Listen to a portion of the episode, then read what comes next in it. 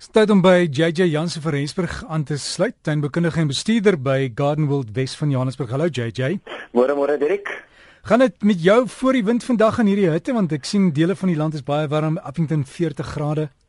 Sjoe, ja nee, dankie tog. Ek is nie daar nie. Dit gaan voor die wind definitief ja nie met vanmiddag se rakkie wat opkom. Ek dink ons almal te baie baie lekker opwindende dag wat voor lê.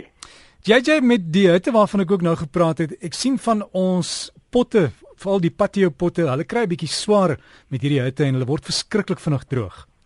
Weet jy Dirk, dit is nogal heel interessant. Ek het so twee weke terug gepraat ek oor wat 'n mens met jou potte kan doen as jou potte uh, vinnig uitdroog. En jy kan nie glo die reaksie wat ek van die mense afgekry het oor hoeveel mense eintlik sukkel met hulle potte en hulle hangmandjies en hulle blombakke wat so verskriklik vinnig uitdroog nie. So ja, um, ek het gepraat van palmveen wat 'n mens natuurlik in die potte en in die hangmandjies kan inwerk sodat dit baie van die vog kan terughou. Ek het ook gepraat van daai stokke so gel wat 'n mens gate in die potte kan druk op die kante van die plante in die grond kan druk met 'n groterige produk soos 'n besingstok of iets van daai aard. Dan kan jy hierdie gel korreltjies wat lyk so suikerkorreltjies, kan jy eintlik daar instrooi, dit toemaak en dit nat maak en dit help geweldig om jou plante nat te hou en klam te hou gedurende hierdie warm tye want ja, ons plante is onder stres, jy weet, met al hierdie hitte, jy kan net dink dat plante staan in die volson baie keer vir dae aan een wat dalk nie water by hulle uitkom nie. So maak maar seker dat jou plante gereeld nat maak en wat baie belangrik is, is as jy 'n potplante wil reg nat maak, moet hulle nie net een keer nat maak nie, maak hulle twee keer nat. So wat mense doen is jy gooi hulle vinnig nat en dan gee dit so 15 minute of so, dan gooi jy hulle behoorlik nat. Dan sien jy sommer sien jou plante, jou potte hou twee keer soveel water terug en die plante bly natuurlik twee keer so lank nat. So definitief met die hitte kyk na jou potte, kyk na jou plante. En jy het soms ook die grondmengsel wat mense gebruik. Jy weet hulle koop die gewone tuin mengsel of die mengsel in die in die pakkies. Gebruik dit en baie keer is dit nie genoeg nie. Jy moet bietjie kompos en goed bywerk. O, definitief. Baie mense vir my sê, "Man, maar hoorie, my potgrond sodra ek water op het gooi, dan hardloop alles net dwars deur." En dit is so. Potgrond oor die algemeen word ontwikkel dat jou water net dwars deur hardloop, dat hy nie baie vog terughou nie. Omdat soveel mense potte in skaduwee hou of potte binne huis hou en dit elke dag probeer nat gooi en dan het jy daai goeie dreinering nodig. Maar sonder daai goeie dreinering kom ook baie suurstof. So dit is baie goed dat jou grond lekker los is en deurlig is, maar soos jy sê, as dit vir jou nodig is om bietjie ekstra kompos by te sit, bietjie ekstra gewone grond of iets soos die palmveen, maak eerder so, want dan weet jy jou jou plante gaan baie beter hou. Jy sê die ander taakies hierdie tyd van die jaar? Right, so met die lekker warm hitte wat ons het, is daar so verskeie plante wat nou baie vinnig groei. En een van hulle is daai wat ons nooit wil hê nie, is al daai verskriklike baie onkruide. En baie mense los nou daai onkruide of hulle mis dit vir 'n week of twee en dan is die hele tuin net vol onkruidsade wat gesaai is.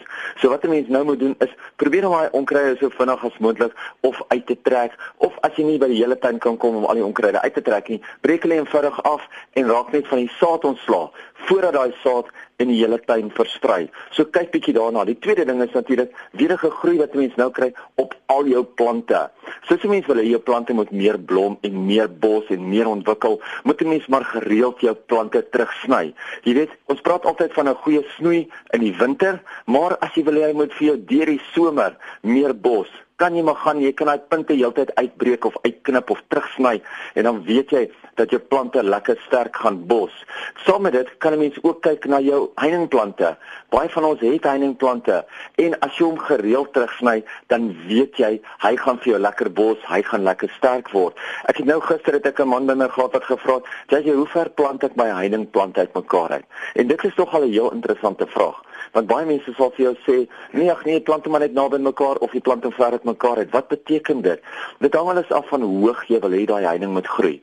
As dit 'n baie lae heiningkie is kom ons sê van 'n halwe meter of 30 cm in hoogte dan moet jy die plante baie nader aan mekaar plant of 'n halwe meter uit mekaar het of 30 cm uit mekaar het maar as jy wil hê dit moet 'n heining word van sê plus minus 2 meter 3 meter of so kan 'n mens baie maklik daai plante eerder 'n meter meter en 'n half uit mekaar uitplant dan weet jy dat hulle gaan éventueel in mekaar raak. Gaan gesels maar natuurlik met jou by jou naaste kwekery met een van die tuinbekundiges en hoor wat stel hulle voor as 'n heiningsplan. Jy weet, baie keer is dit nie nodig dat 'n mens 'n 100% soliede heining het nie. Baie keer wil 'n mens net 'n gebou wegsteek of 'n lelike area wegsteek of wat ook al, dan kan 'n mens nogal doen met ietsie soos 'n 80% heining wat nog steeds vir jou lig gaan deurlaat, maar dan net daai sig bietjie gaan blok, net daai lelike geboue bietjie gaan blok.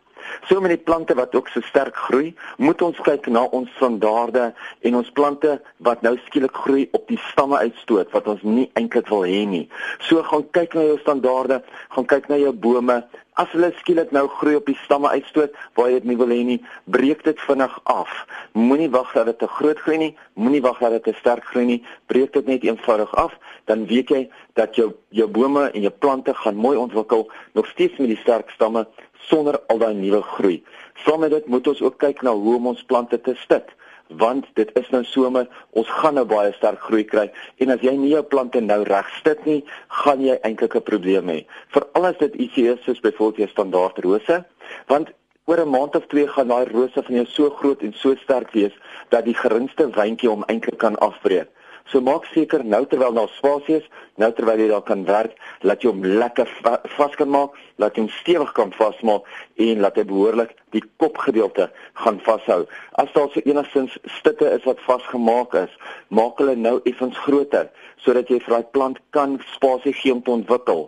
Maar moenie om te losmaak dat die boom of die plant heeltyd heen en weer wieg en homself teen die hoof stit eintlik kan seermaak nie. So maak hom maar lekker styf vas. En die laaste enetjie is vir die van julle wat daarvan hou om julle eie bome en struike van saad af te kweek.